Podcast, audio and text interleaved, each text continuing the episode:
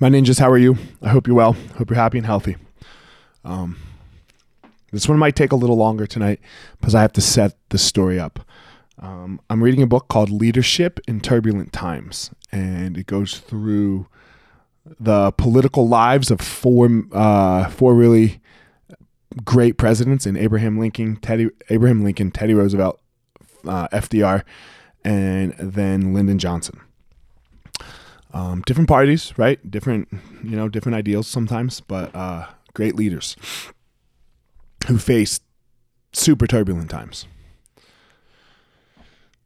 So, what uh, what I want to talk about tonight is uh, with Abraham Lincoln, and Abraham Lincoln probably faced the toughest time, which was uh, the separation of our union and the separation of our union over slavery, right?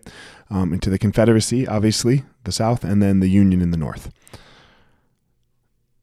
When Abraham Lincoln first became the president, um, or early on in his political, uh, in his second run at the, the political game and into his presidency, he was um, how do you say it? He he was not for emancipation.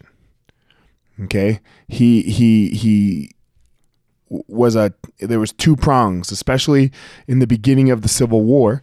He was he wanted to win the war, but he was up for the idea of not necessarily emancipating the slaves. And then it changed. Like his thought process changed, and he became a staunch emancipator. Right, he's the one who wrote the Emancipation Proclamation that that freed the slaves that eventually would lead to the freeing of the slaves. And in 1964, before his second term, the the North was voting uh, on the presidency, Abraham Lincoln and the Democrat George McClellan, and the the Democrats thought that they were going to get two thirds of the vote. You know, the George McClellan's team of of the soldiers, because McClellan was willing to not emancipate the slaves. Uh, bring the Union back together, which means the North and the South come back together, but the South could keep their slaves. And Lincoln was running on a platform where that, where that was not possible. And in McClellan's way, the the soldiers think of the soldiers would get it'd be done for them they would go home earlier. They, they would go back to their wives. There'd be no risk of death anymore. They'd go back to their families. Everything would start to return to normal. The soldiers of the Union, right? Who were making this vote. Um, and it was expected that they would get two thirds of the vote. That didn't happen.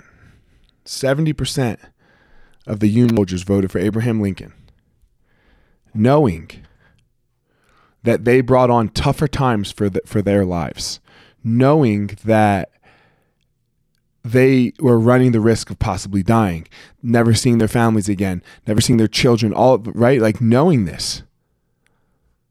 But they believed in Lincoln and they believed in the emanci- in emancipation. They voted against what was best for them, to do what was best for the whole. How do we get back to this? Is my question. How do we realize that what's best for me isn't what's best for everyone necessarily? As far as financially, as far as morally, mm, maybe not morally, sorry. But your taxes and your this and your that. How do how do we how do we get back to to the time of those soldiers, not necessarily of Lincoln, right? Because if it was, I'm not praising Lincoln here, and I know he's been a big part of the story. Yeah, he it was that was great, right? Like great, amazing, great job. He won, you know. He, we all, it's not that.